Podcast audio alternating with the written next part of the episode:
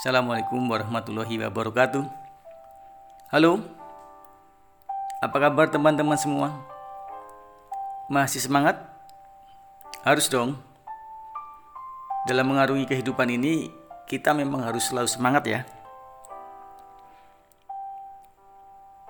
Morning Spirit with Iman kali ini saya ingin bercerita tentang anak miskin yang tinggal di suatu desa. Untuk menghidupi sehari-harinya dia harus berjualan kue. Kue, kue, kue. Kira-kira begitu cara dia menjajakan kuenya di sepanjang jalan yang dia lalui. Hari itu udara sangat panas sekali. Dan dia begitu lapar dan haus. Karena sepulang sekolah belum sempat makan, dia sudah harus menjajakan kue. Dilihat kuenya belum laku, dan ternyata dia tidak membawa uang spesial pun. Bingung. Dilihatnya ada sebuah rumah, dan kemudian dia berpikir, barangkali dia bisa meminta makanan dan minuman sedikit kepada penghuni rumah itu. Tok, tok, tok. Permisi, kata anak ini. Tidak berapa lama kemudian pintu dibuka oleh seorang gadis kecil. Begitu yang membuka adalah seorang gadis kecil, anak ini kemudian mundur. Malu, mau minta sesuatu makanan malu. Tapi kemudian dipaksa karena dia memang betul-betul lapar dan haus. Boleh saya meminta segelas air? Maka demi menutup malunya dia hanya sekedar meminta segelas air. Oh sebentar kata gadis kecil ini. Dan dia kemudian masuk ke dalam rumah.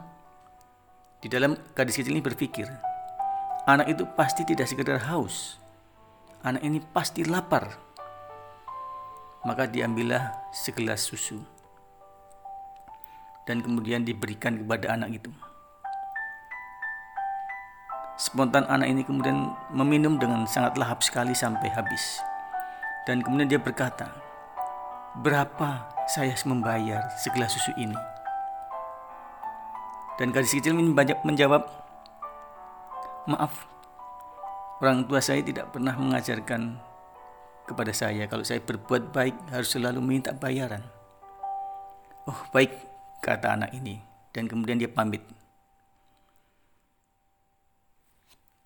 Hari demi hari berlalu, tahun demi tahun pun berlalu. Gadis kecil yang dulu pernah memberikan segelas susu kepada anak itu sudah tumbuh dewasa dan jatuh sakit. Dibawa ke rumah sakit terdekat, rumah sakitnya menolak. Maaf, kami tidak bisa menangani penyakit anak ini. Dibawa ke rumah sakit yang lebih besar lagi, ternyata rumah sakit itu juga menolak. Maaf, penyakit gadis ini kami tidak bisa menangani. Dan akhirnya gadis ini dibawa ke rumah sakit yang paling besar di kota itu. Selama dua minggu gadis ini dirawat di sebuah kamar yang mewah dengan peralatan yang lengkap dan dokternya dokter spesialis. Sehingga kemudian sembuh. Dan hari itu dia boleh pulang. Gadis ini berpikir, berapa saya harus membayar tagihan rumah sakit ini? Rumah sakitnya mewah, peralatannya lengkap, dokter spesialis yang menangani saya juga pasti harganya mahal.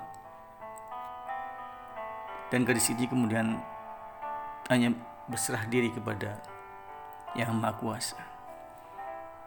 Tidak berapa lama kemudian datanglah seorang petugas administrasi rumah sakit dan menyerahkan tagihan. Dengan tangan gemetar kemudian dibukalah tagihan itu dan dibacanya tertera angka yang begitu besar.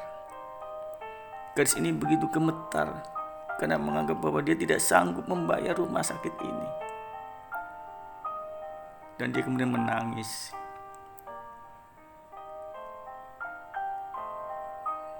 Kemudian dia melihat sebuah tulisan kecil di pojok kiri bawah.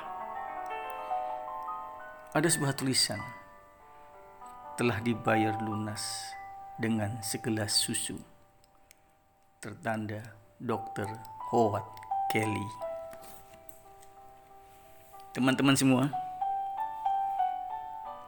ternyata tagihan rumah sakit yang harusnya dibayar oleh gadis ini telah dibayar oleh seorang dokter bernama Dr. Howard Kelly. Siapa dokter ini?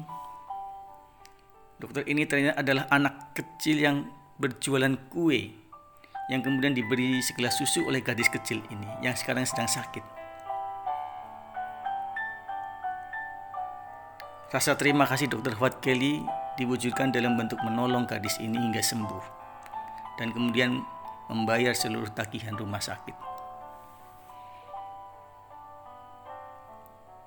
Apa hikmah daripada cerita ini teman-teman? Ternyata sebagai manusia kita harus berbuat baik kepada manusia lain.